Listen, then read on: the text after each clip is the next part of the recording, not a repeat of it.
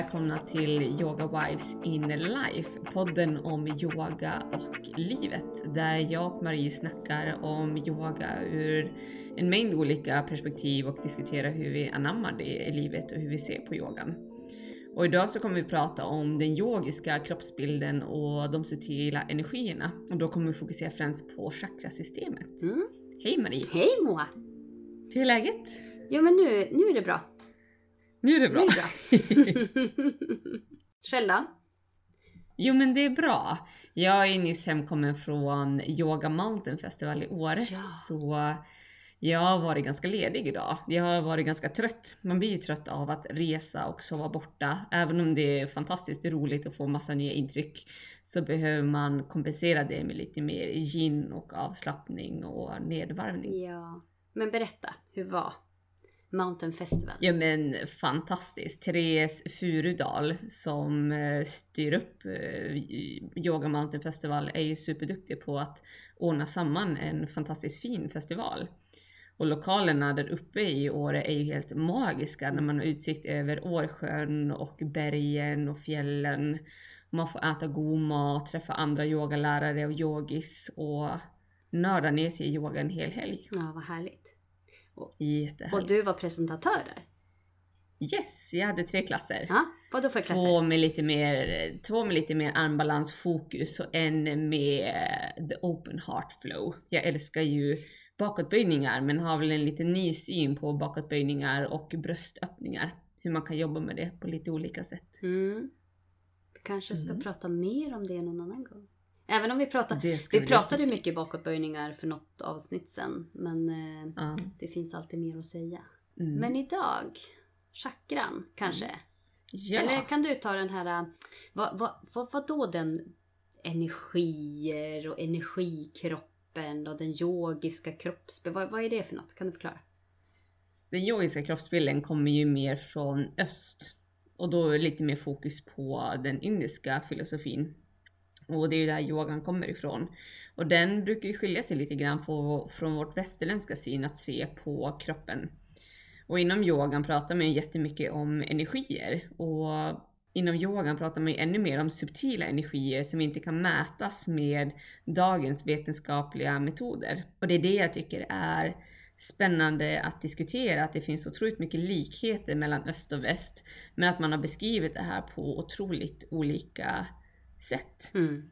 Och yogisarna pratar då om prana, vilket då är livsenergi. Och de beskriver att den här energin finns ju överallt. I allt levande, i oss som människor och att det är vibrerande energier som vi vill försöka väcka igång och ibland faktiskt lugna ner också. Mm. Och ibland så beskriver man prana som livselixir. Så vi vill ju försöka med hjälp av olika yogapositioner skapa livselixiret. Mm. Få tillgång till det. Mm. Så att, att kroppen består av energi, det, det kan vi väl komma överens om att den gör? Alltså Ja. atomer, molekyler, energi. Mm. Och atomer de vibrerar ju i grund och botten när man Ja. verkligen kollar ner till den minsta beståndsdelen vi har. Precis. Så jag tänker Mm. mig att eh, om man ser kroppen som en stor energiomvandlare, att vi tar in energi och utbyter energi med allt levande som finns omkring oss. Och det är väl inte så konstigt. Vi äter mat och det kallar vi för energi och så vidare. Och att vi kan känna av andras energier, det har vi inte pratat om jättemycket, men vi känner ju av andras energier. Om någon är på gott humör, då känner vi av det och vi kan dras med sig i det. Mm. Och om någon på dåligt humör så kan vi också likväl dra- dras med sig i det. Mm. Men vi kan inte fysiskt se de här energierna. Vi kan ju känna dem och uppleva dem. Mm. Ja men det pratar vi om i avsnittet om andlighet. Att vi kom fram till att relationer, humör och handlingar och allt det som händer och faktiskt även det vi stoppar i oss, dryck och Mm. droger och sådär påverkar oss och våra energinivåer. Man brukar säga det, men jag har låg energi idag. Mm, Bra energi. Helst den här perioden på året kanske. Ja, precis. Mm. Men det häftiga med prana är ju att man beskriver att i våran kropp så finns det olika kanaler som heter nadis. Mm. Och I de här nadisarna färdas ju pranan och de färdas in till chakras Mm. också som finns i kroppen. Och nadis är ju det man kan likna med vårt nervsystem och enligt yogatraditionen så består det av 72 000 energikanaler som slänger sig genom hela kroppen. Främst Och- i fascian, eller hur?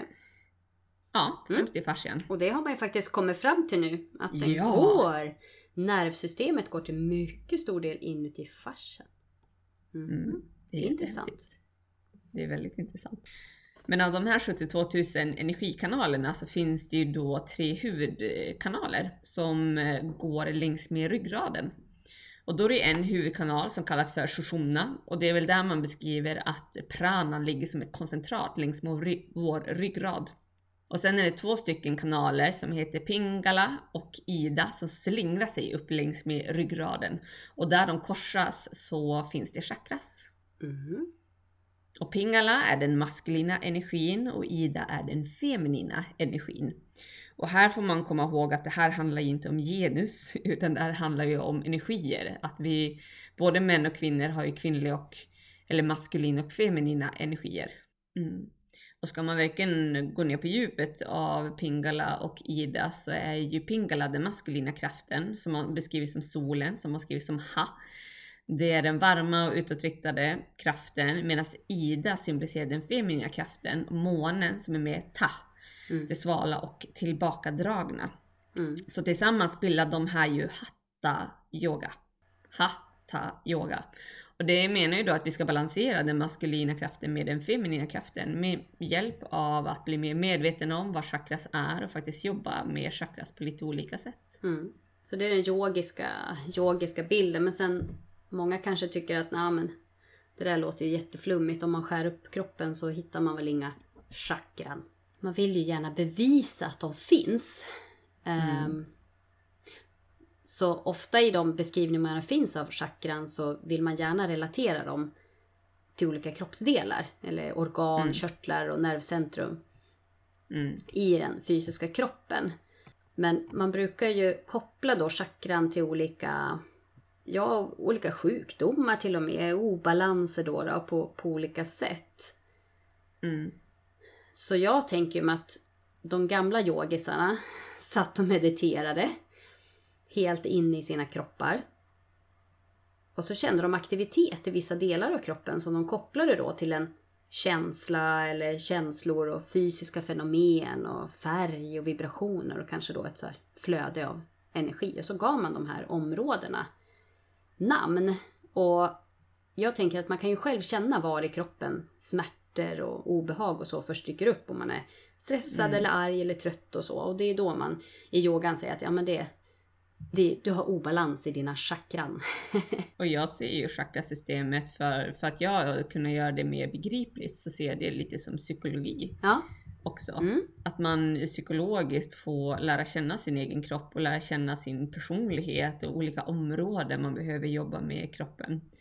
Så för mig har chakras gått ut på väldigt mycket att prata om det, diskutera med andra människor men också fundera lite grann på själv. Vad, gått igenom de olika chakrarna och ställt lite frågor till mig själv Mm. längs med vägen för att skapa en liten helhetsbild. Mm. Men hur har det hjälpt dig då? Ja men det är ju att skapa en medvetenhet. Mm. Vi har ju olika styrkor och olika svagheter i våra liv. Mm. Och det finns ju delar som jag undviker och tycker är jobbiga och det finns ju delar som jag kanske överdriver och gör kanske alldeles för mycket. Mm. Och genom att gå igenom de här olika delarna, eftersom jag också är beteendevetare så känner jag igen väldigt mycket från den beteendevetenskap jag har studerat på Umeå universitet i de här gamla uråldri, uråldriga indiska lärorna. Mm. Och det är det jag tycker är så häftigt. Men att man, man får ett litet annat perspektiv på det, Mm. tycker jag. Mm. Är det som... Det är inte lika kliniskt. Det här är ju mer upplevelsebaserat, att man tillsammans med att jobba med kroppen i olika fysiska positioner men även i meditation och andningsövningar kunna beröra dessa chakror på olika sätt. Mm. Psykologi är ju ofta teorier. Ja. Inte så mycket att man fysiskt får uppleva teorierna utan mer prata, diskutera, tänka på dem. Mm. Men här blir det nästan lite mera konkret. Tycker du inte? Ja, på ett sätt. I början tyckte jag att det var konstigt, men det tar ju ett tag innan, innan man har kommit in i en ny filosofi och börjar förstå det. Och jag tycker att det ändå ska få ta tid. Ja. Att det har förändrats hur jag ser på chakras och hur jag arbetar med dem och är medveten om dem. Mm. Men enligt traditionen då så tar ju chakran in energi och distribuerar ut Mm. den i kroppen i ett jämnt flöde. Om det är balans i de här hjulen då. Chakra betyder hjul. Så jag tänker mig ibland att man tänker på kroppen som en, som en flod. Eller den här Sushumna-kanalen då. Att det, energin flyter lugnt och stilla. Men sen om man börjar kasta i en massa klippblock så måste ju vattnet ta sig runt och börja då forsa på vissa ställen. Eller inte passera alls, eller väldigt lite på andra ställen. Så då skulle man ju kunna säga att ja, obalanserade chakran påverkar energiflödet då. Om vissa chakran då stagnerar och inte jobbar alls, eller andra jobbar i full fräs, så chakran får anpassa sig då för att kunna få ut allt det här energin till rätt ställen då i kroppen och, och själen. Och då blir det ännu fler, det är lite moment 22, där blir det ännu fler obalanser. Jag har sett liknelse med en hiss också, att så om hisschaktet blir blockerat så kan inte hissen åka hela vägen upp. Chakrarna pratar man ju väldigt mycket om i kundalini, kundalini-yogan också. Mm. Och där är det ju mycket prat om den här ormen då, som sover längst ner i ryggraden och, och ska, när den får fritt flöde, när, när kroppen är i perfekt balans, kroppen och sinnet då såklart, body and mind, så kan den här energin komma upp hela vägen och att man då når upplysning så att säga. Mm. Man pratar ju väldigt mycket om inom yogan att man vill lyfta energin, men det jag tror är viktigt att komma ihåg här Mm. är att man kan ju gå upp och ner. Det är ju Mm. inte bara att när man har jobbat med sitt första chakra att man kan lämna det. Nej. Utan det kan ju komma i svajning så fort saker och ting förändras i livet. Och att det är Ah. viktigt att man går upp och ner längs med ryggraden och längs med dessa chakror. Så man är ju aldrig klar. Nej. Och det pratar vi lite grann om eh, också i andlighetsavsnittet tror jag om att det är viktigt att vara grundad. Att om man, om man Ja. bara håller till i de högre chakrarna och glömmer bort att ta hand om de här eh, nedre baschakrarna så, så kan det gå tokigt. Men ska vi gå in på chakrorna och förklara lite vad de är? Ska vi göra det? Eh, var ska vi börja uppifrån? För det vanligaste är att man pratar om sju chakran. Ja. Det finns andra... Det finns ju olika chakrasystem. Ja, men ska vi ta den som är sju? Ja, vi tar den klassiska. Och man, man brukar ju börja nerifrån och upp, men vi kanske ska... Vad tycker du? Upp, Jag gillar ju nerifrån och upp. nerifrån och upp. Från basen till Från basen toppen. Vi till behöver toppen. ju Mm. lägga en bra bas som sagt. Hissen Mm. går ju inte upp om man inte har lagat Nej men exakt. första våningen. Exakt. Mm. Och då finns det ju sju chakror Mm. som finns placerat från bäckenbotten upp till toppen av huvudet. Mm. Och första är Mulandara chakra. Muladhara chakra. Mm, vad, betyder, Yes. vad betyder det då? Ja, vad betyder det? Stöd betyder... Eh, mula är ju rot, eller eh, Mm. stöd. Och adara är också support eller stöd. Så det är ju... Det är verkligen den här grundtryggheten och grundläggande behov av materiellt och, och fysiskt. Och social trygghet. Social trygghet. Och man, man brukar ju ofta koppla alla chakran till antingen ett element och även en färg och en symbol. Men vi kanske inte ska gå in på alla detaljer, men kanske i alla fall färgen och eh, elementet. Mm. Och även de här känslorna. Så Muladhara är ju, brukar ju refereras som röd. Man kan tänka sig färgen röd. När man mediterar då på det här chakrat så kan man tänka sig färgen röd. Och det är faktiskt så att färger har olika vibrationer. Så att rotchakrats eh, vibration då, energivibration säger man, är, har en viss våglängd eller, eller frekvens. Eh, och att den då översätts till färgen röd. Så det är lite intressant att man mer, eh, att ögat ser egentligen elektriska impulser då. Mm. Eh, och de här impulserna når hjärnan via en elektrokemisk reaktion då, i, i nervcellerna. Och då ser man olika färger. Så att man kan göra det vetenskapligt också. Tänk vad fantastiskt va? Ja. ja, det är jätteintressant faktiskt. Ja. Och vi påverkas av olika färger. Ja. När vi ser dem. Det handlar ju lite Mm. om feng shui, hur man inreder rum och sånt. Mm. Men det hör ju inte riktigt till just det här avsnittet. Mm. Och elementet är ju då jord och Ja. jord kan ju faktiskt vara rött. ja, kan det vara. Man brukar också säga att olika chakran har olika ljud. och- Och det här det finns ett, man kallar det för sid. Sid-mantra till varje, till varje chakra. Och här brukar man säga lam. Man upprepar Lam. lam, lam. Så kanske man kan nå. Men även eh, jag har varit med om vissa workshops, eh, chakra-workshops där man verkligen använder just för ordchakrat att det ska vara mer bas, basljud som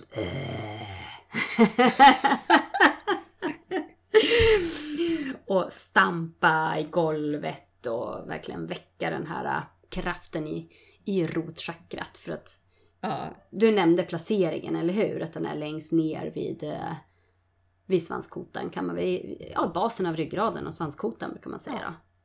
Men det som känns intressant där, för man, man säger ju då att ja, men det här är bas, bastrygghet och, och att det får s- i obalans av saker som orsakar av, av saker som orsakar otrygghet, alltså om man inte har något hus eller hem eller det händer något med familjen, sjukdom, man tappar jobbet, sådana saker. Och att det leder då till rotlöshet och vilsenhet. Att, det även, att även rädslan, rädsla sitter här. mm. Och det tycker jag är lite intressant för att när man då försöker att bevisa det här och säga men varför har man kommit fram till det här så brukar man vilja koppla könskörtlar och binjuremärgen. Den, den här innersta, innersta delen av, av binjuren. Och den lagrar och släpper ut, och liksom kontrollerar kan man säga, adrenalin och noradrenalin. Men den är en jätteviktig sändare kan man säga till, till det sympatiska nervsystemet. Så alltså den här fight and flight responsen. Och Mm. jag vet att min, min lilla kille, min, min son, han sa när han, när han var liksom mycket mindre och det hände någonting att han, att han blev rädd. Då sa han också oj, jag blev så rädd att jag fick ont i rumpan. Mhm.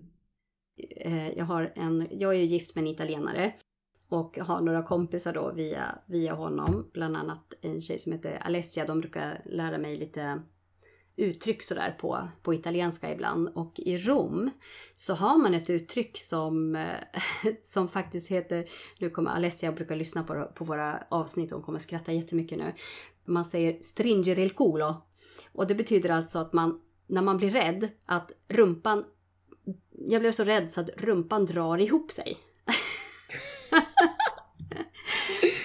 Och jag, ja, jag vet inte om det stämmer Ja, för det dig. var väldigt ny information Det var- för mig. det var ny information för dig. Ja. Men jag, alltså, när man blir rädd, men i alla fall jag kan ju bara relatera med, till mig själv, men att just den här, "Usch!" när man blir, att det här nervsystemet bara "Tjo!" slår till, eh, att det händer något, man, det smäller och man, man, någon som skrämmer en, så, eller egentligen mer den här grund, grundrädslan, att jag är rädd att det, att det händer mina barn någonting. Mm. Det, alltså, det är sån rädsla så att det, den går väldigt djupt. Då kan jag faktiskt känna den händer det något i Då rumpan. händer det något i rumpan. Precis, alltså Ja. djupt, djupt ner i rotchakrat skulle jag då vilja koppla det till. Alltså det här måste jag undersöka. Ja, precis. Det Men det, det bästa är att faktiskt praktisera själv, det man hör. Ja, nej men Om rumpan det- reagerar på rädsla. det, det, när jag läser då om att det här kopplas då till binjuremärgen Ja. som skickar ut de här signalerna till fight and flight systemet så, så it, it makes sense för mig. Mm. Jo men de har ju faktiskt suttit och upplevt det här. Mm. Ja men det är ju det. De som har genom, Ah. genom år och de har säkert diskuterat med varandra också. Alltså, nu tror jag säkert att de har upplevt det här fysiska förnimmelserna från insidan. Men att Mm. vi är lite mer avskalade. Mm. Att vi inte känner kroppen på samma sätt. Och de här har ju verkligen suttit med sig själv och umgåtts med sig själv. Mm. För att hitta in till vad är Mulandara chakra. Mm. Mm. Och det är häftigt. Ja, och då pratar man också liksom att just eh, i vissa fall så har jag läst också att det, det är fight and flight responsen, den, den initieras härifrån från det här.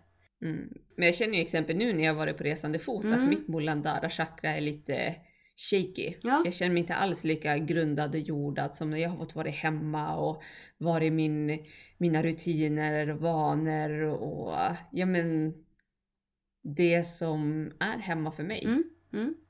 Mm, Tappa lite av din grundtrygghet och det, Precis. Det säger man ju också i, i eh, vissa, ska man säga, native, vad heter det då? På svenska. Jag är så dålig på svenska, det här är helt fruktansvärt. Eh, ja, Och jag är dålig på att översätta från engelska. Ja, så... ja. Att man säger att eh, när de har rest mycket, då måste de stanna en, en stund på, på en plats för att låta själen komma ikapp. Mm. Och att det är viktigt att komma hem. Alltså är man på resande fot hela tiden, då, då hamnar man i obalans helt enkelt. Man, själen måste få Mm. komma ikapp, man måste få känna sig...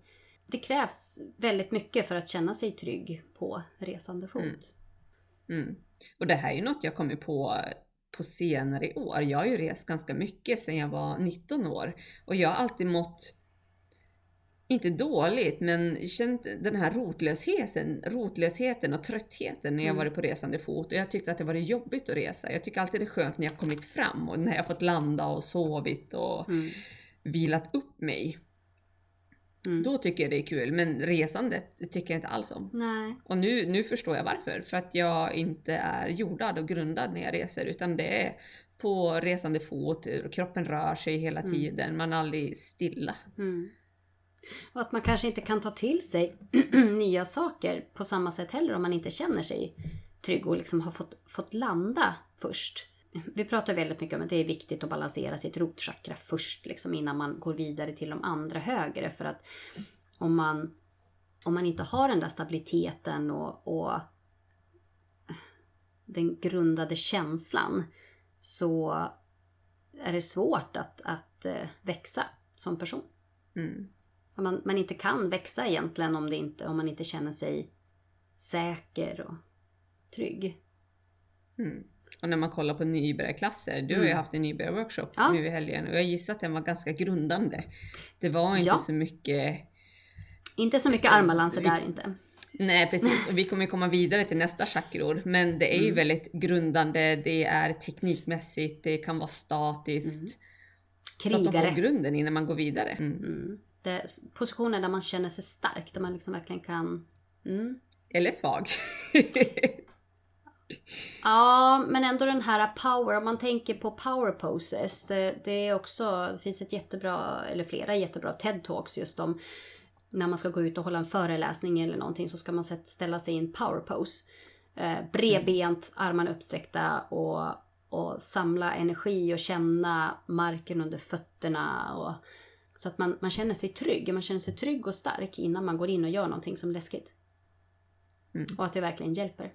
Men jag märker också att i min praktisering undviker jag ibland de här grundande positionerna för att Mm. jag tycker det är jobbigt att stå still.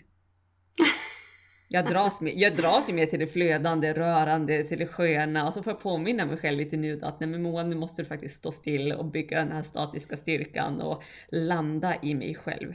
Ja, så det måste inte vara helt statiskt heller. Jag, jag gillar goddess pose här.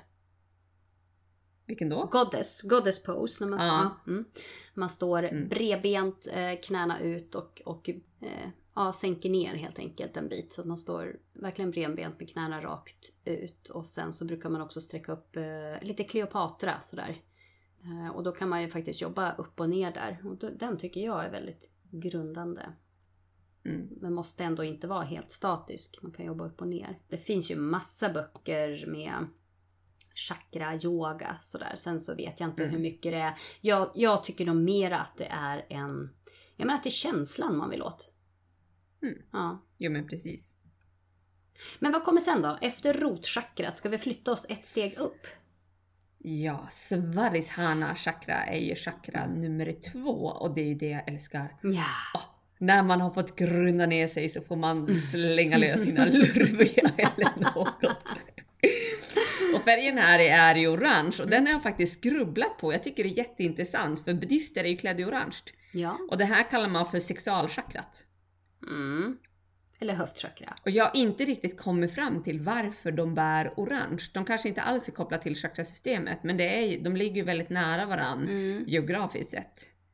Va, vad menar du geografiskt sett? Ja men det finns ju väldigt mycket munkar i eh, Asien i Eh. jämförelse med Europa. Ja. Ja, men vad hade det med färgen att göra? Det förstod jag inte riktigt. Ja men jag tänker att det är ju ändå österländsk filosofi. De Mm. kommer ju från samma område Mm, ja, och absolut. munkar är ju starkt kopplat till buddhismen och chakrasystemet kommer ju som från samma område. Så därför är jag väldigt intresserad. Varför har de den orangea färgen? Är det för att de har tagit avstånd från njutningen och sexualiteten eller vad, vad beror det på? Ja, det, det, får, det kanske är någon som vet. Jag vet inte, jag har ingen aning. Ja, om ni vet, hör av er till Moa. Jag har letat svaret. det kanske inte alls är kopplat till det här, men jag, har verkligen reflekterat över det när jag var ute och rest. Ja, just det. Men elementet är i alla fall vatten. Ja, Och vatten är ju flödande, det är fritt, det är i rörelse, det är mjukt, det är härligt. Och kreativt. man pratar ju om att det är könsorganen som tillhör det här chakrat. Ska vi se, nu blev jag lite distraherad för att jag, jag letar efter varför har munkar orangea kläder? och det, och det, det finns här, det finns. Alla munkar gör inte så, så det kanske helt enkelt har någonting med församlingen att göra. Ja, det... Ja. Men nu går vi tillbaka till njutningen. Ja, för det är det Svadhisthana chakra handlar om. Kreativitet, njutning, Mm. sexualitet, livslust, passion och entusiasm. Mm. Vad finns det inte att älska här? Vad finns inte att älska? Nej, precis. Men det, det är det som jag tycker är så himla häftigt att Svadhisthana, sexualchakrat, Mm. handlar ju, all, allting kommer från sexualitet och Mm. från fortplantning. Mm, Ja, eller- Det är, ju ja. där, det är där vi skapades. Det är det som är grunden till vår evolution, att saker och ting fortsätter att Mm. formas och utvecklas. Och när vi var små spermier eller ägg, det var ju ganska mycket vatten. Mm, absolut. Väldigt Skapades mycket. vatten, ja. Jag läser just nu en fantastisk bok som heter Sensitive Chaos. Som handlar om just Mm. vatten och utvecklingen också. Var, varför eh, det, man, man säger att man är, man är i princip bara vatten från början och sen så blir det mer och mer solit. Och att vi har fortfarande i kroppen väldigt mycket strukturer kvar från hur, hur vattnet eh, rör sig och fungerar. och spiralformade, liksom våra ben, skelettet är ju spiralformat, musklerna är, liksom, har ett flöde, ett flow precis som, som eh, vatten har. Så det, det är väldigt, eh, väldigt, väldigt mycket i kroppen som har sitt ursprung i hur vatten beter sig. Mm. Kan jag verkligen rekommendera. Det är en häftig, en häftig bok, tycker jag. Mm. Mm. Sid-mantrat är eh, VAM, Vadå? Damm? VAM, VAM, Damm? VAM. Ofta tycker jag att det är den första bokstaven där som... När man, när man säger VAM så kan man...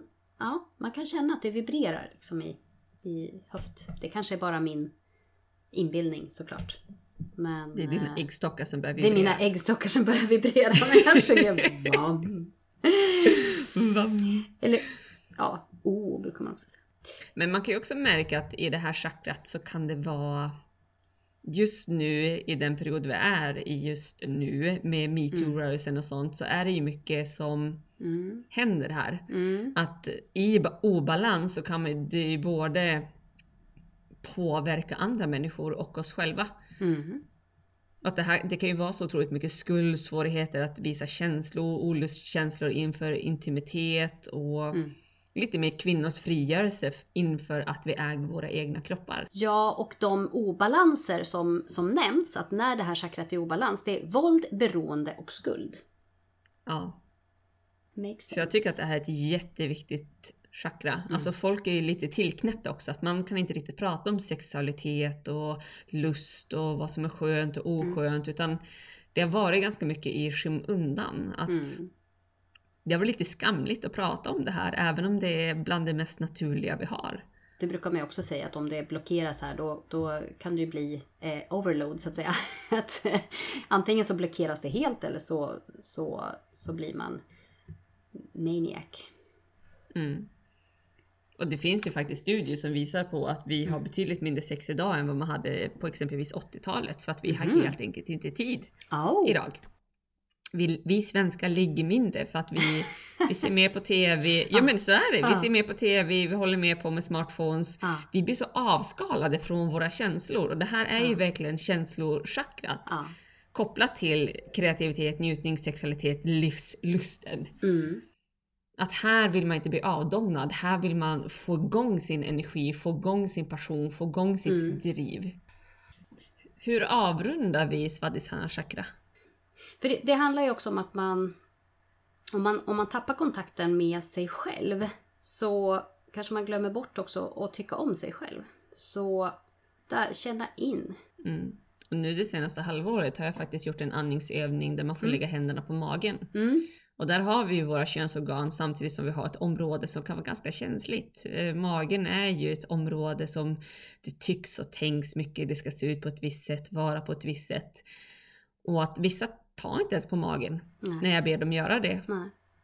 För att folk är så obekväma att känna sitt underhudsfett eller känna formen på sin mage. För att Mm. man har en föreställning om att det ska vara platt och det ska vara minimalt med underhudsfett även fast det är jättekinetiskt Ja. hur mycket underhudsfett vi har. Och givetvis påverkas även av kosten. Men Mm. alla kan inte ha låg procenthalt underhudsfett och må bra. Nej. Nej, det är faktiskt någonting som jag nämner nästan varje klass tror jag. Att man ska slappna av i magen när man sitter i meditation. För att det är så många som sitter och spänner sig. Inklusive jag själv. Jag får ju verkligen tänka mig att ja men nu knäpper vi upp knappen. Och pff, Om alla blundar. Men det är så. Jag måste alltid påminna alla blundar. Det är ingen som ser din buddha-mage. Mm. För det, det är svårt. Det, är, det sitter så, så djupt.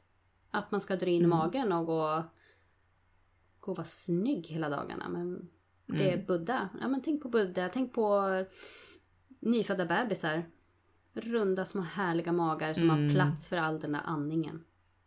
Mm. Eller min idol Marianne, min, eh, min mans eh, systerdotter. Hon är ju Ah. helt underbar. Hennes mage är så stor och hon Ah. går runt och mm, vad heter det, slår på den som en trumma som jag gjorde när jag var liten. Hon Mm. Ja, bara. “Marians mage!” Och jag bara Ah. Åh, jag hoppas att hon får behålla det resten av Ah. livet. ja, verkligen. Den kärleken och den liksom stoltheten över den magen. Ja Den njutningen över sin mage och sin egen intensitet. Att kunna ta på sin kropp med ren och skär glädje och kärlek. Ja, exakt. Det är det som är verkligen njutningen i det här chakrat kan jag säga. Och jag älskar att, att köra vatten eller höftchakra-klasser för att det är så Mm. härligt mjukt och flödande och mm, bejakande. Och när jag håller mina utbildningar, för jag har ju en utbildning, yogautbildning modul 2, som berör chakrasystemet. Så de flesta brukar älska det här flödande chakrat och tycka att Muladhara chakra är skitjobbigt. Ja, så är det. Så många dras ju till flöden, till friheten, till mjukheten. Mm. Men du, har vi berättat att vi ska ha en 100 timmars utbildning? Tillsammans? Jag tror faktiskt inte vi har det. Nej, ska vi släppa Nej. den bomben höll jag på att säga. Vi släpper det mitt i allt. Ja. Men det ska bli super, super kul att få göra någonting riktigt seriöst ihop också. Och Ja, tillsam- tillsammans. Och tillsammans med Satto. Jag ser verkligen jättemycket fram emot det och vi, vi känner ju det här att 100 timmar, det, det är lite lite. Att hinna med och förmedla allting som vi vill förmedla. Men, men det kommer i alla fall att bli väldigt många lärarledda timmar utav de här, Mm, utav de här 100. precis. Och att vi får jobba på vår kreativitet under den här utbildningen. Ja. Vi lovar att på den här utbildningen så kommer vi ha en helt fantastisk vatten och höftchakraklass. Oh yes, Oh yes! we will. Mm. Så Soma Naut heter den i alla fall om man är intresserad av att checka in den Precis, som man har. på Authentic Flow Tribe. Mm. Mm. Så sök på det, Sommarnote. Mm. Eh, Men det tar oss nog nästan in till nästa chakra skulle jag säga. det gör det ju. Manipura chakra, det tredje chakrat och det är här vi har handlingskraften. Mm. Magchakrat eh, kan vi översätta det till. Eller precis. solarplexus eller navel brukar de säga på engelska. Mm. The Jewel City. Vad sitter här då? Här sitter ju handlingskraften, självkänslan, rätten att agera och våga tro på sig själv. Och jagstyrka.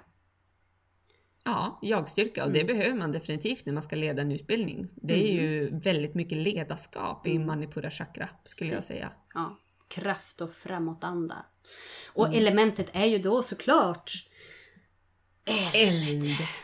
Yes, och färgen är guld, det flammande elden. Mm. Och Johanna Andersson beskrev det här väldigt, väldigt bra när jag gick mitt assis- assisteringsprogram för henne. Mm. Att eh, man vill ha en eld som är ungefär som en evigt brinnande OS-fackel. Att den ska inte brinna för mycket, den ska inte brinna för lite utan lagom. Utan man ska hålla den levande. Så gör man för mycket kommer man blåsa ut elden. Mm. Och gör man för lite kommer den dö också. Ja. Eh, Mm. Eva Dahlgren har en eh, jättefin låt som jag brukar spela grann. Den heter Syre på ditt... Eh, syre och eld tror jag att den heter. Låten heter Mhm. Syre och eld. Eh, hon sjunger om att blåsa syre på sitt hjärta.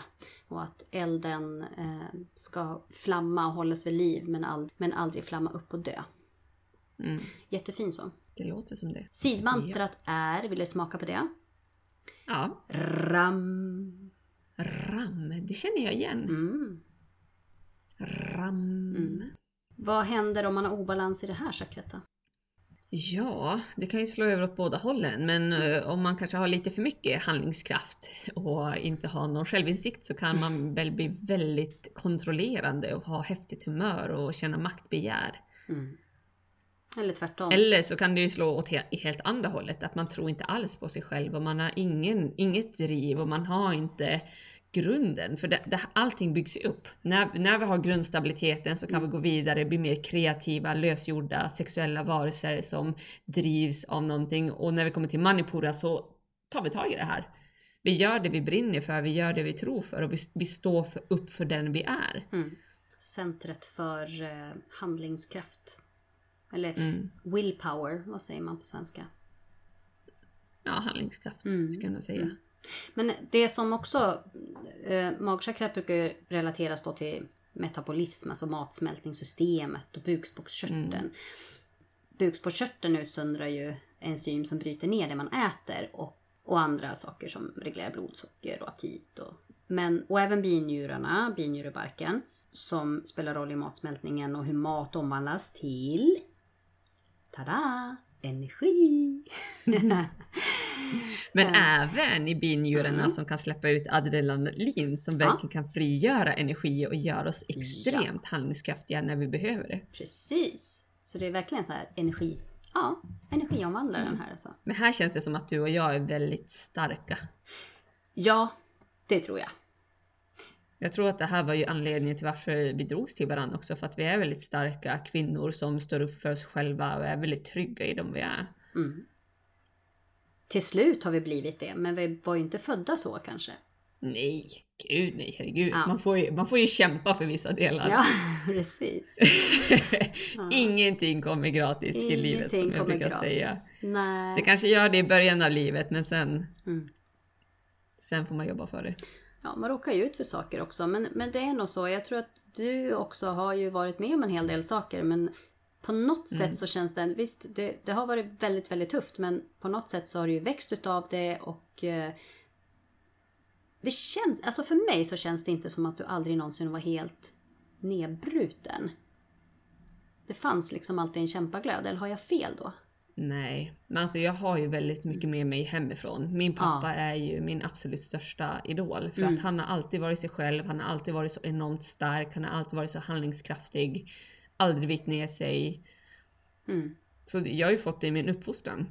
Ja. Mamma likadan, också väldigt trygg i sig själv som människa och tydlig i den hon är. Mm. Så det har alltid funnits där och den stöttningen har alltid funnits där när jag mått dåligt. Så de har jag, jag har ju alltid farit hem till mina föräldrar när jag mått dåligt. När jag har varit med om hemska grejer och Mm.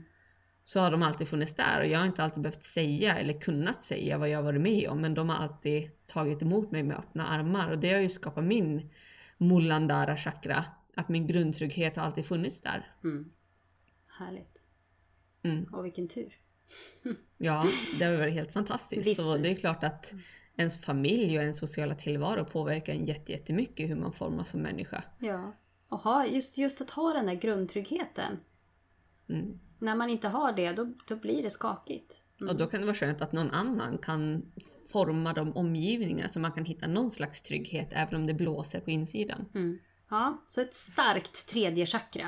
Det, Yes. det, det har vi. Mm. Och ibland så kan ju det också slå över till annat. Ja, som absolut. man måste hela tiden vara medveten om. Ja, det är inte bara allting kan slå över, det ska vara ett ljum, Mm. ett jämnt flöde. Och det tyckte jag, min man han har ju jobbat på, eller jobbar på Securitas, men har jobbat nu också på Björklöven. Så där har de ju gått ledarskapsutbildningar där man pratar om styrkor och överdrivna styrkor. Just det. Och det tycker jag var ganska fint beskrivet att ibland kan man ju ha en styrka men ibland så kan den skruvas upp så att den blir en överdriven styrka också. Mm. Och då måste man vara medveten om det. Mm. Inte köra över folk. Lyssna in och Ja, jag kan ha... Nej, jag brukar nog inte köra över folk, men ja. man kan vara väldigt dominant ibland. Ja, det får man lära sig helt enkelt. Att man menar ju aldrig någonting illa, men jag är så lösningsorienterad. Mm. Eh, och ibland så vill inte folk, speciellt kvinnor kanske, de vill inte ha lösningar. De vill bara, bara prata. Bara att man ska lyssna utan att säga så mycket, inte komma med några lösningar. Mm. Eh, Så det har jag fått lära mig den hårda vägen faktiskt. Det, jag, Mm. jag, så här, men jag vill gärna ge en, en lösning. Men då kan det uppfattas som att man tycker att det här är väl inga problem. Det är väl bara att göra. Fast man inte alls menar det så. Så det kan eh, verkligen slå över. Det här man får lära sig genom hela livet egentligen. Sin, sin personlighet och hur man kan hantera sin personlighet och andras personligheter. Mm. Mm. Och det bästa är ju om alla är medvetna om sig själv. Ja. Så kan man bli medveten om alla andra och så kan man kommunicera på bästa möjliga sätt. Tänk om Donald Trumps chakran vore i balans. Då skulle USA och världen se annorlunda ut. Ja, verkligen. Ja. Ja. Men du, ska vi hoppa vidare till nästa chakra? Yes. Anahata chakra, vårt fjärde chakra. Mm. Hjärtchakrat. Så. Hjärtchakrat. Och det fantastiska är att färgen är ju grön. Mm. Vi ser ju alltid hjärtat som rött, Ja. men här är det grönt. Här är det grönt. Jag tycker att det är en, grönt är skönt. Mm. Och grön är ju väldigt lugnande färg om man kollar på feng shui och hur olika färger påverkar oss. Och elementet är luft. Mm. Och det tycker jag är så talande. Nu när jag hade min workshop i handstående i helgen så när man assisterar så ska man ju ge personen utrymme. Man ska ge dem luftighet och space så att de faktiskt kan praktisera med att man finns där som ett stöd. Mm. Och ibland när man vill hjälpa andra människor, det är som att man ska krama ihjäl dem. Ja. Man ska stötta upp dem till hur mycket som helst så att de inte kan stå på sina egna ben. Mm. Och det är ganska symboliskt för mig i relationer, att i relationer måste man ge varandra space och utrymme för att båda ska kunna växa på varsitt håll så att man kan växa in i sin relation. Mm. Att ingen mår bra av att bli kvävd i en relation. Nej. Men det, det är också det här, det står ju för att man ska säga villkorslös kärlek. Ja. Och det, villkorslös kärlek är väldigt svårt. Eh, till och med till sina barn. Alltså där känner man ju en, verkligen en villkorslös kärlek. Eller till ett, till ett djur, liksom ett husdjur eller vad det är för någonting. Men det är stort. Men man får inte glömma bort att villkorslös kärlek är ju inte att man accepterar allt, utan villkorslös kärlek är att man accepterar människan. Sen måste man ju st- strukturera upp beteenden och sånt. Helst om man är förälder kan jag tänka mig att Mm. ni är ju ni är ju jätteansvariga för deras uppfostran och hur de blir som människor i slutändan. Ja, Och villkorslös kärlek är ju inte curling-varianten där Nej. de får göra precis vad de vill. det är en helt annan sak. Det är en helt annan sak. Så jag tror villkorslös kärlek till människan men inte till alla beteenden. Nej, och jag brukar ju säga till mina barn att när, när jag är sträng så undrar de varför och då säger jag att det är för att jag älskar dig. Nej.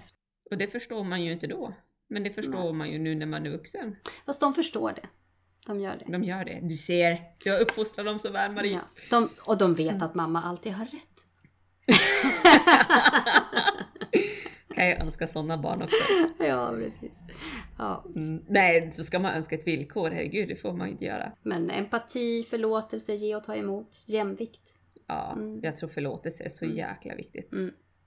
Mm. Att kunna förlåta en annan människa. Mm. Kunna förlåta sig själv. Oj. Kunna förlåta sig själv. Man gör ju misstag genom livets gång. Mm. Och ibland kunna förlåta människor som har gjort illa en. Det har jag verkligen fått jobba med. Mm. Att jag har inte förlåtit dem för deras skull. Jag har förlåtit dem för att jag själv har mått så psykiskt dåligt Mm. av vad de har gjort att jag inte har kunnat gå vidare i mitt liv. Mm.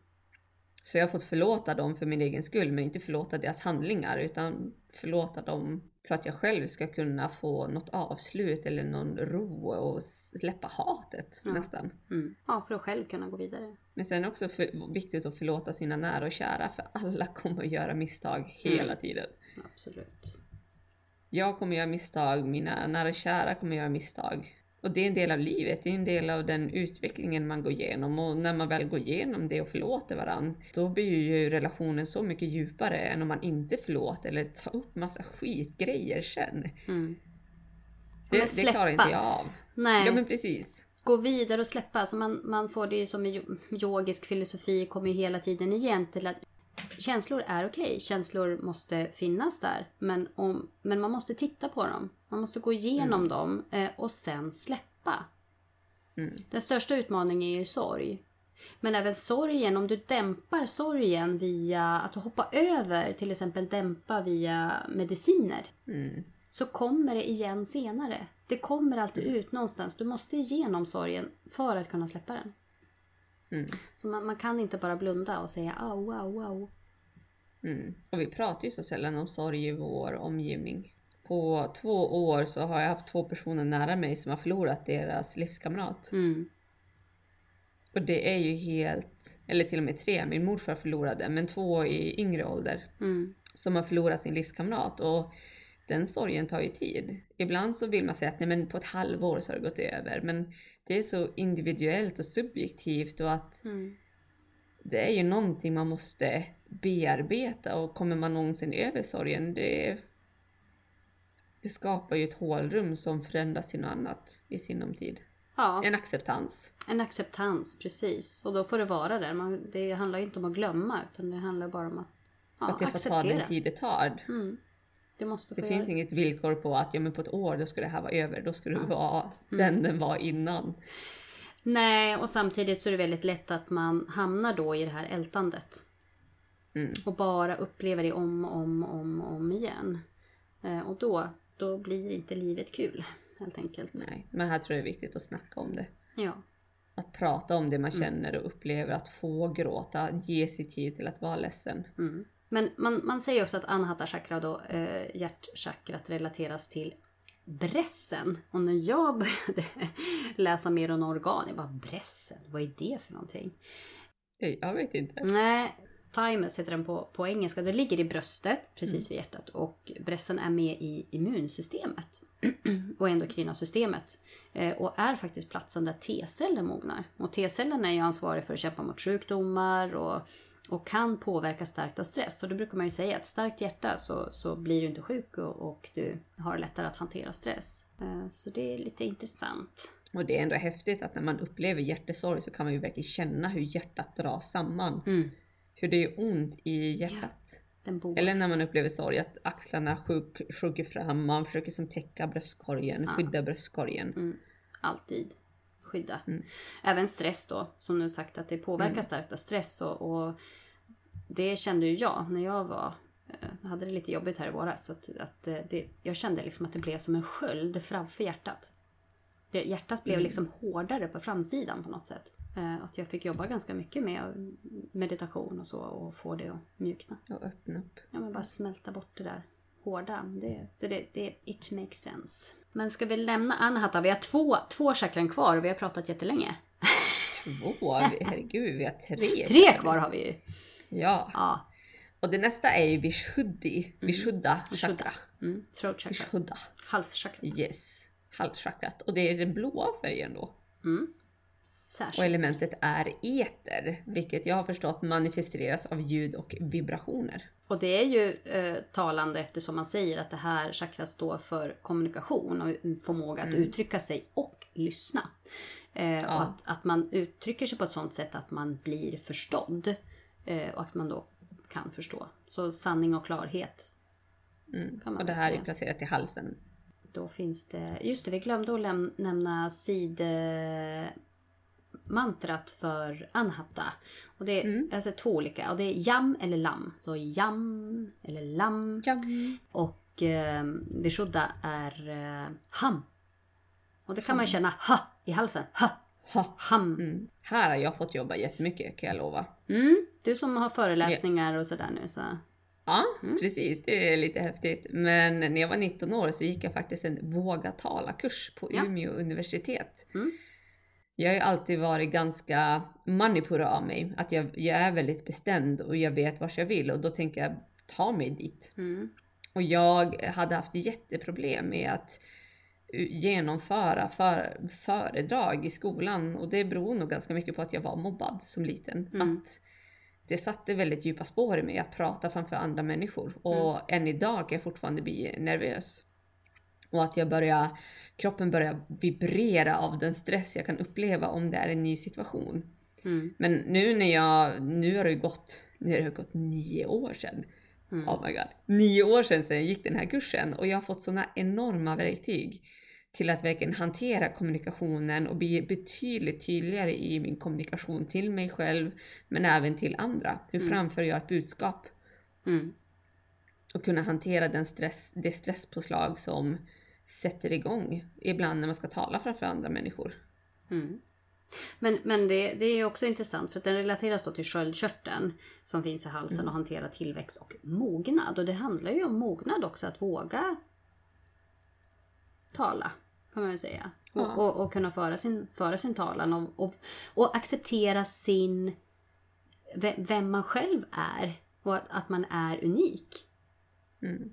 Och, och låta sin sanna röst komma fram och tala sin Mm. sanning. Och det är inte alltid lätt. Nej. Absolut. Och att kanske inte alltid tala sin sanning till varje pris. Att ibland så får man för sig att det, det jag tycker och tänker Mm. är sant och Mm. det någon annan tycker och tänker är fel. Mm. Och där måste man ju hitta en balans att bara för att jag ser saken på ett visst sätt eller ser världen på ett visst sätt så är det inte den enda sanningen. Utan man måste framföra det på ett ödmjukt och vänligt sätt så att man inte förkastar någons annans åsikt. Att man verkligen ser bortom där jag är just nu i tid och plats och kulturellt vad jag har för, för uppväxt. Jag själv har ju fått i det här eh, chakrat, man säger här, jag, jag låter ganska övertygande. så jag har fått lära mig att säga, vara väldigt noga med att säga när jag tror att det är så här. Jag är Mm. inte 100% säker. Jag ska kolla upp det här, men jag tror att det är så här. För att om jag säger bara, svara på en fråga, bla bla bla, utan att vara väldigt, väldigt noga med att det är så här, då tror folk på mig. Även fast jag själv tycker att jag låter väldigt svävande. Så man har, just här så har jag fått lära mig också att vara väldigt tydlig med vad jag tror eller vad jag vet. Det är viktigt. Det är viktigt. Ska vi ta nästa? Ajna. Ajna chakra. Mm. Yes. Sjätte chakrat. Mm. Tredje ögat. Det är där det sitter tydligen och eh, elementet är då rymd vilket man mer kan översätta till sinnet eller the mind som man pratar om i engelskan. Mm. Intuition Färgen skulle jag är- vilja säga. Ja, definitivt intuition. Mm. Men vad är intuition? Intuition har vi pratat om ganska mycket och magkänsla skulle jag vilja översätta det med. Mm. Att intuition är någonting man skrapar fram nästan genom att gå igenom alla dessa chakror. Ja. Tills man hamnar till aina chakra. Självrefle- le- självreflektion, det är ju det det handlar om. Ja. Som att verkligen gå djupt in i sig själv och, och höra vad det är man egentligen känner där i magkänslan. Är det hjärnan som talar eller är det hjärtat? Och intuition är ju något väldigt instinktlikt. Mm. Det är ju vår förmåga att kunna känna av andras energier, kunna känna av... Jag var ju på Bali med ett gäng kvinnor här från Umeå Mm. och så sen var det en av de här kvinnorna som stod i en affär. Och så var det en man som gick förbi och han bara stannar upp och kollar på henne och bara Gud vilken underbar energi du har, vilken fantastisk aura du har. Mhm. Och det är ju intuition. Mm. Att man kan känna av en annans människa välvilja eller energier eller raka motsatsen. Känna Mm. av att det här är inte bra energier, det här bör jag Mm. hålla mig undan. Mm. Och hon var en sån människa. Jo ja, alltså fantastisk, mjuk och fin och öppen Mm. och kärleksfull. Mm. Mm, så det goda i allt. Ja. Ja, ja, men ibland känner man faktiskt det. Vissa människor har just den där auran av godhet på något sätt. den där lugn och... Ja. Och att man kan känna av kroppens vilja. Till exempel som nu när jag valde att sluta plugga. Mm. Så det var som att kroppen skrek åt mig från insidan att jag inte skulle fortsätta plugga. Mm. Att nu var det nog. Mm. Och jag har inte känt det så starkt tidigare utan det är någonting som jag successivt arbetat upp de senaste åren. Att bli mer finkänslig inför vad kroppen faktiskt vill. Mm. För hjärnan är ganska duktig på att dominera och ta över. Absolut. Ja, men här är en, Mm. Den, eh, tredje chakrat skulle man kunna prata om väldigt länge. Mm. Men Precis. jag vill nämna seed-mantrat. Och det är ju Yes. Aum. Au. Mm. Den klassiska. Ja, men det känner man att mm, den hamnar uppe i huvudet. Färgen är också indigo. Mm. Djupblå skulle man kunna säga. Precis. Och det tar ju ganska lång tid. Det finns ju en anledning till varför de här eh, lite klurigare chakrorna kommer högre upp. Mm. För att vi ska ha en sann kommunikation så måste vi vara välgrundad. Vi måste liksom ha släppt lös vår kreativitet. Vi måste hitta vår handlingskraft. Och vi måste hitta den här villkorslösa kärleken mot oss själva och mot andra. Mm. Vi kan återknyta till de här två sidonadisarna då, Ida och Pingala. Som du Ja. nämnde från början, att de sägs då sluta och smälta ihop med huvudkanalen Sushumna. Precis här. Precis. Mm. Den Så- går ju först upp till hjärnan till sjunde chakrat Mm. och sen går den ner ut via näsborrarna. Så symboliserar då slutet på dualism då, eller ljusa mörka, yin och yang, kvinnligt Mm. manligt. Att det här är genom att liksom komma, komma hit och kan vi se klart och komma i kontakt med vårt inre och det som finns djupt, djupt, djupt, djupt, djupt in och se sanningen då bortom. Och se allting som, som en betraktare, bara, bara mindful och Mm. bara, bara vara här och nu.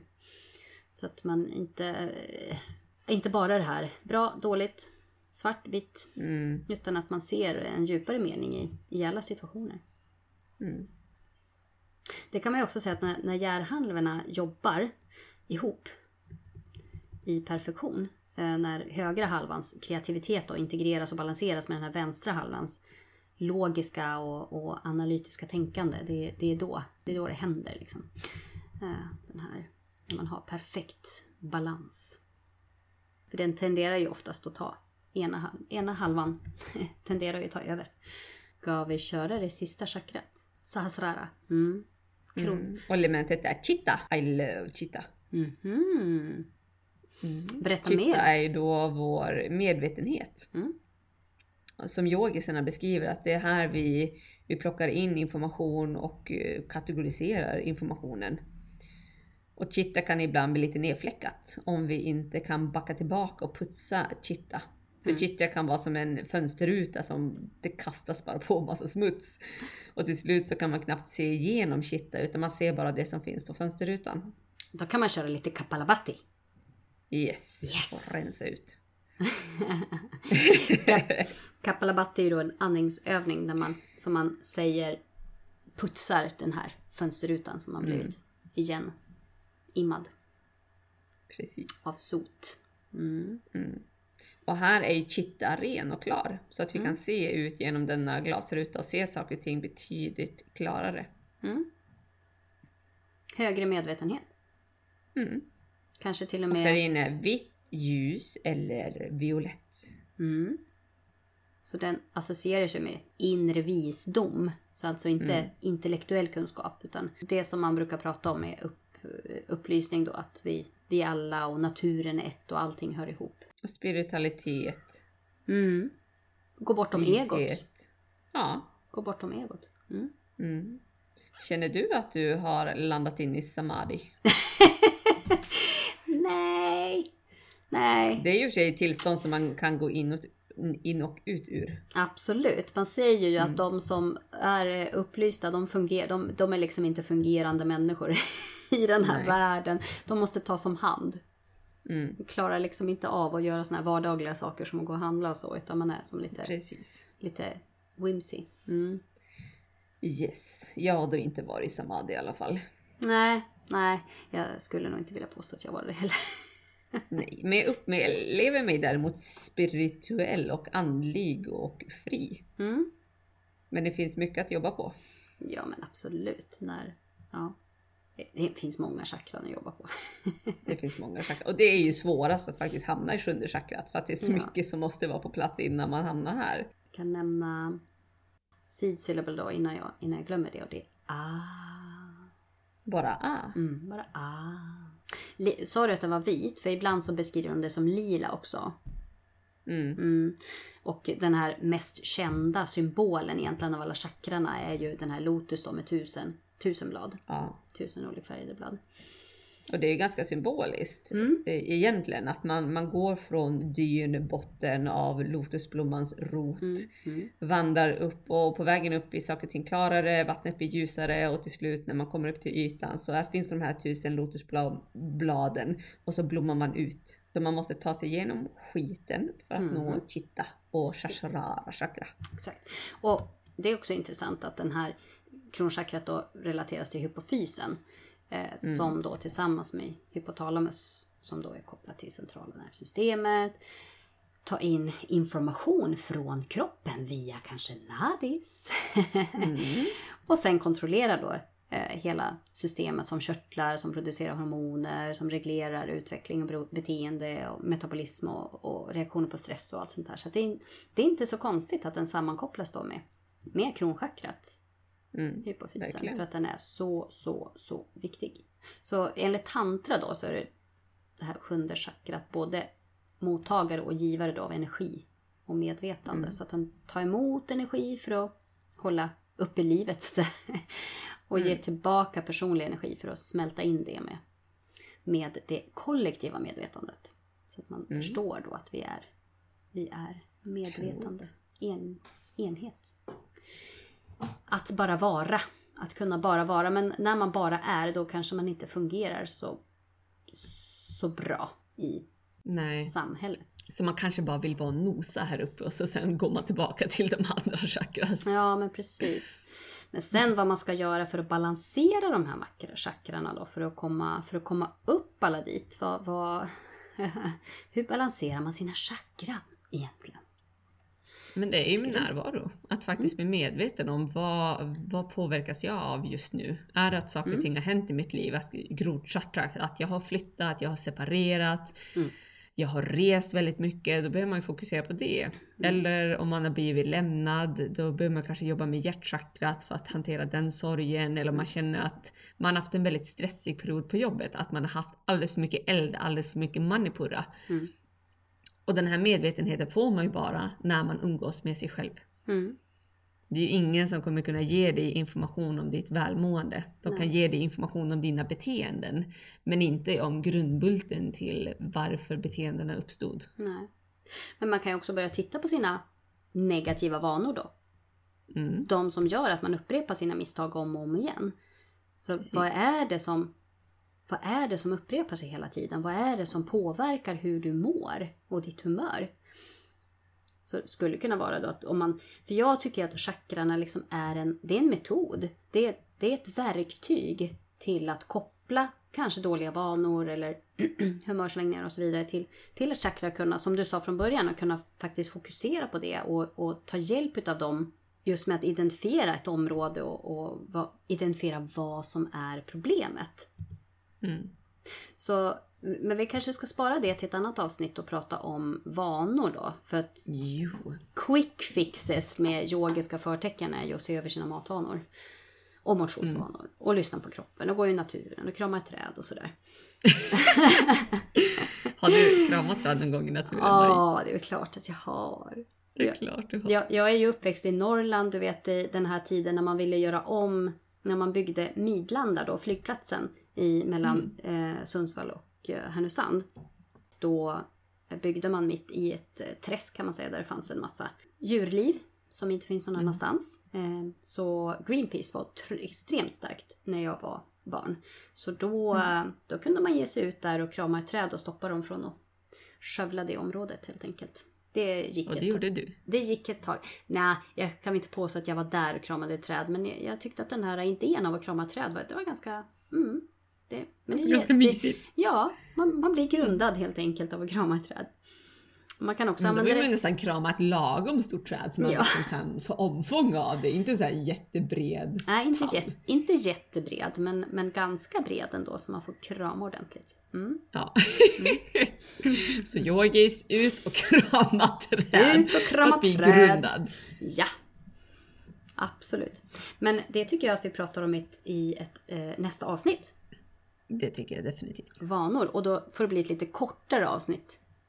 Mm. Mm. Men det blir ju ganska långt när man snackar om chakras för det är Ja. ju mycket information och det vi har pratat om idag det är ju bara hur vi har upplevt chakras. Och, Det och finns ju Det här är ju ett chakrasystem, det finns Mm. massa fler chakrasystem beroende på vilken yogatradition du kommer ifrån och Och man kan gå så mycket djupare. Jag bara skrapat på ytan.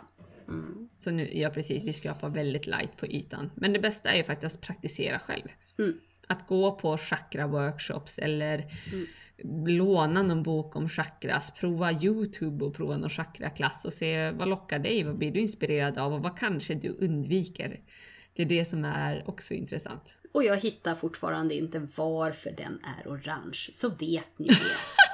Varför Så den är nu orange. vill vi veta varför Ja. munkar i Asien Ja, många gånger bär orangea kläder. Ja, precis. Har du svaret, Mm.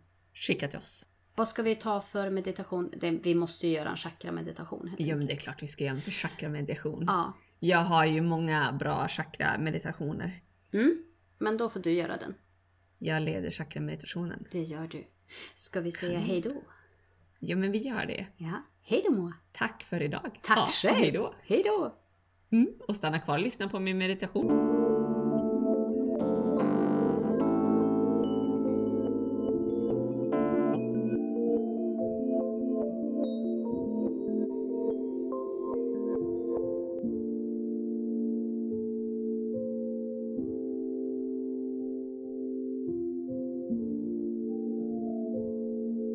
Varmt välkommen till din chakra-meditation. Det första du ska få göra är att lägga dig ner på golvet. Känna in kroppens tyngd och verkligen landa och grunda dig ner där du ligger.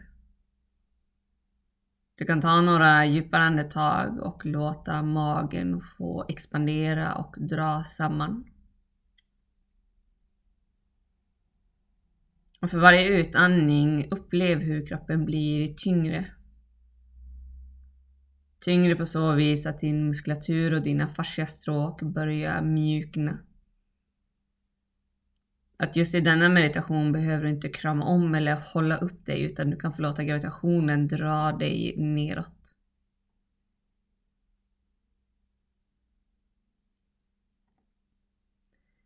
Första chakrat, Mulandara chakra, finns djupt i ditt bäckenbotten, i botten av ryggraden. Placera dina händer som att de bildar en triangel vid pubisbenet. Färgen till detta första chakra är röd. Röd som jorden.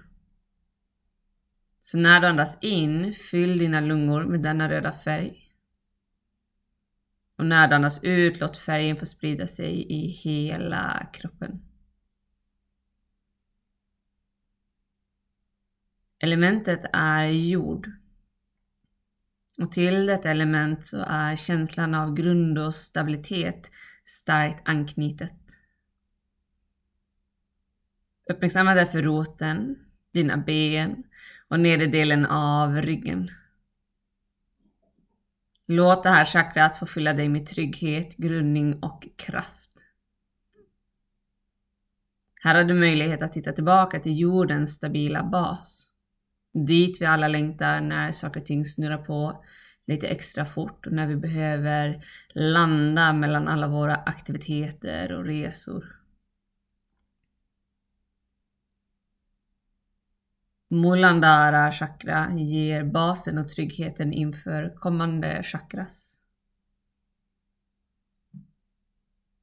Det andra chakrat, Svarishana chakra, finns bakom dina könsorgan. Placera dina händer som att de bildar en triangel vid könsorganen. Där de sitter inne i kroppen, så högre upp än bäckenbotten. Färgen är orange.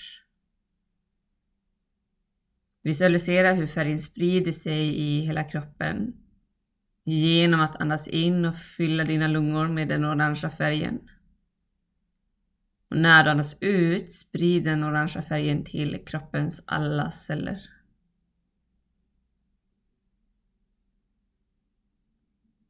Ta några djupa andetag in till dina händer och in till Svadhisthana chakra-området.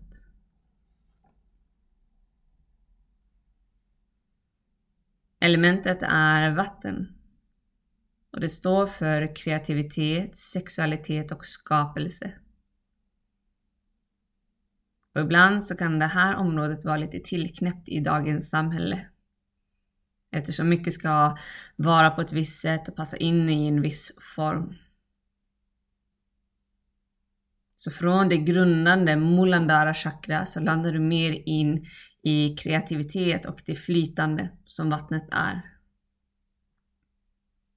Och vattnet har alltid den lättaste vägen. Den forcerar ingenting utan den tar det mjuka. Och långsiktigt så formar vattnet strukturer, stenar, älvar.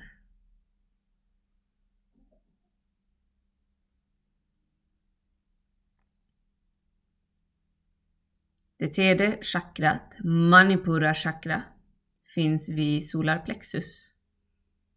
Så placera dina händer ännu högre upp. När du andas in, fyll dina lungor med Manipuras gula färg. Och när du andas ut, tänk att du skickar den här gula färgen till kroppens alla delar. Elementet är eld. Det står för din inre kraft, jaget och beslutsamhet. Ta några djupa andetag in till detta kraftområde. Det är här du får kraften och drivet till att ta tag i din passion. Det är här dina åsikter börjar ta sig form. Och det är här du står upp för den du är. Manipura och elden som den symboliserar är menad att bli en långsiktig, evigt brinnande OS-fackla. En eld som du kan hålla vid liv utan att elda upp, att göra för mycket. Och heller inte genom att kväva, genom att lägga på för mycket ved. Utan att hitta balansen däremellan, att låta den få glöda, låta den få brinna och gå däremellan.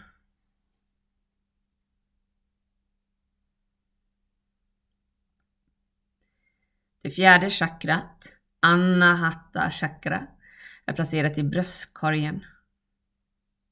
Placera dina händer hit och föreställ dig färgen grön. Andas in, fyll dina lungor med den gröna färgen. Och andas ut från dina lungor, sprid den gröna färgen till kroppens olika celler. Elementet är luft.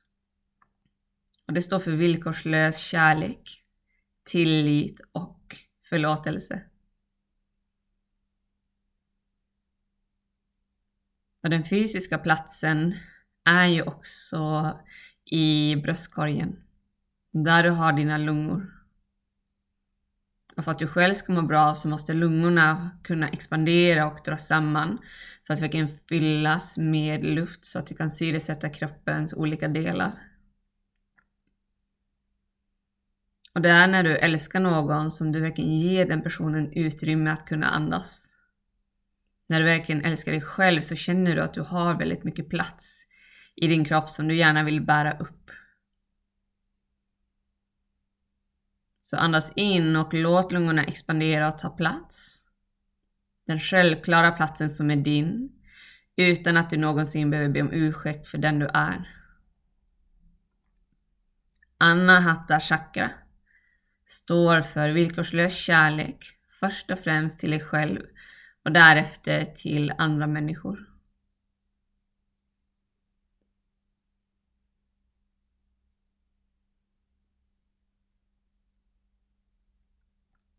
Det femte chakrat, Vishuddha chakra, är placerat i halsen. Mjukt placera dina händer på halsen och visualisera den blå färgen som Vishuddha står för. Andas in och fyll lungorna med den blå färgen.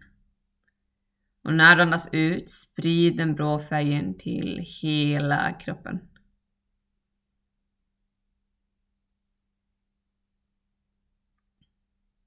Elementet är eter.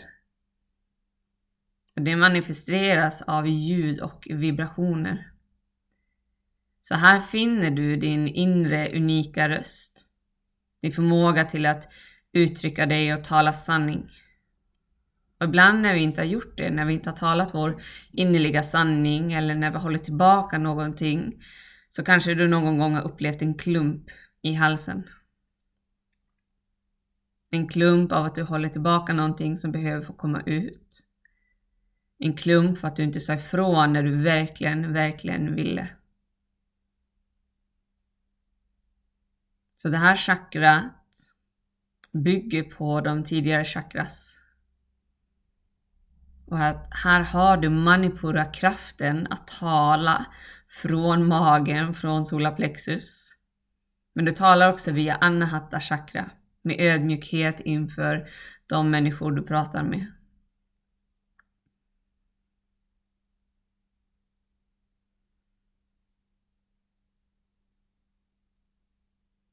Ditt sjätte chakra, aina chakra, är placerat i pannan, en bit ovanför ögonbrynen och kallas för tredje ögat.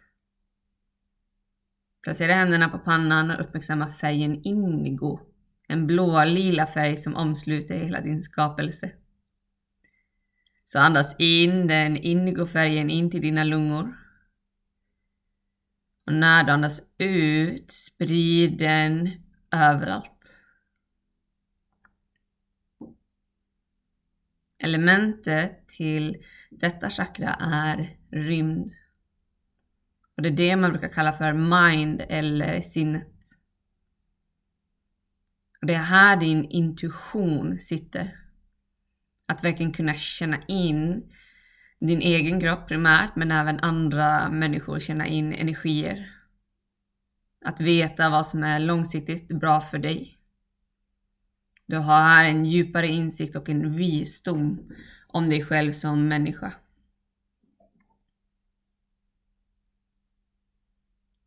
Och det är här du faktiskt lyssnar på magkänslan. Du följer ditt hjärta. Du litar på den visdom som du successivt har skapat.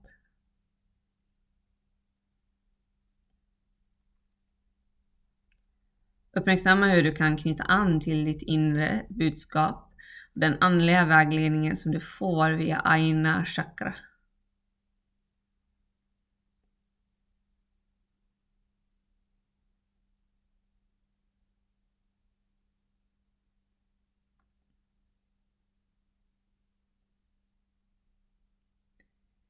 Ditt sjunde chakra, Shashrara chakra, är placerat på toppen av huvudet. Så mjukt placera dina händer här. Vissa beskriver att det är ungefär som en fontän av vitt ljus som flödar från botten, eh, uh, Mulandara chakra, upp till toppen av huvudet. Att här har du öppnat upp energikanalerna längs med hela chakrasystemet. Andas in och känn hur den vita färgen, det vita ljuset fyller dig med universums rena energi och livskraften prana. Elementet är chitta. Det chitta står för din medvetenhet. Och i det här läget är chitta rengjort.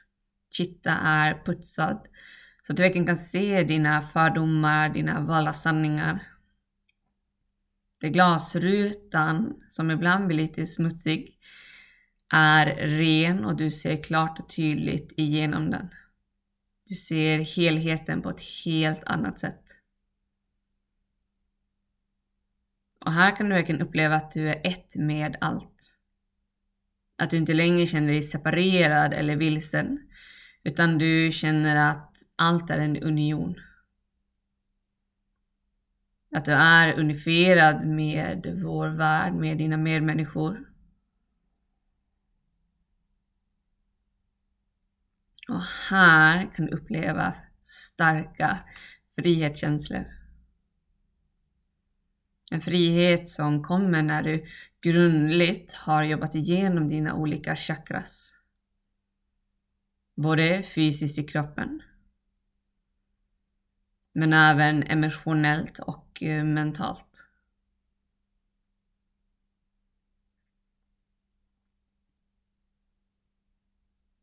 Placera nu händerna tillbaka ner till golvet.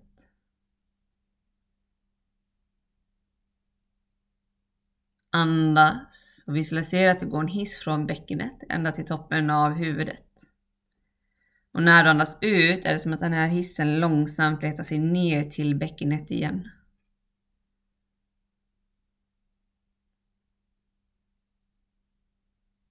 Du med en medvetenhet vill skapa skönare, mjukare, stabilare och mer balanserade chakras.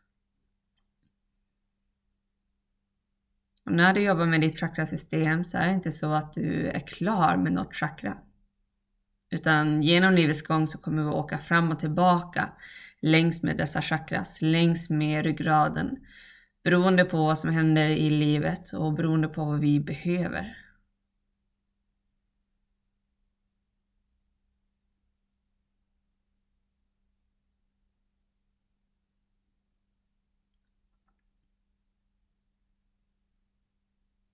Med kommande andetag låt kroppen förbli tung än en gång.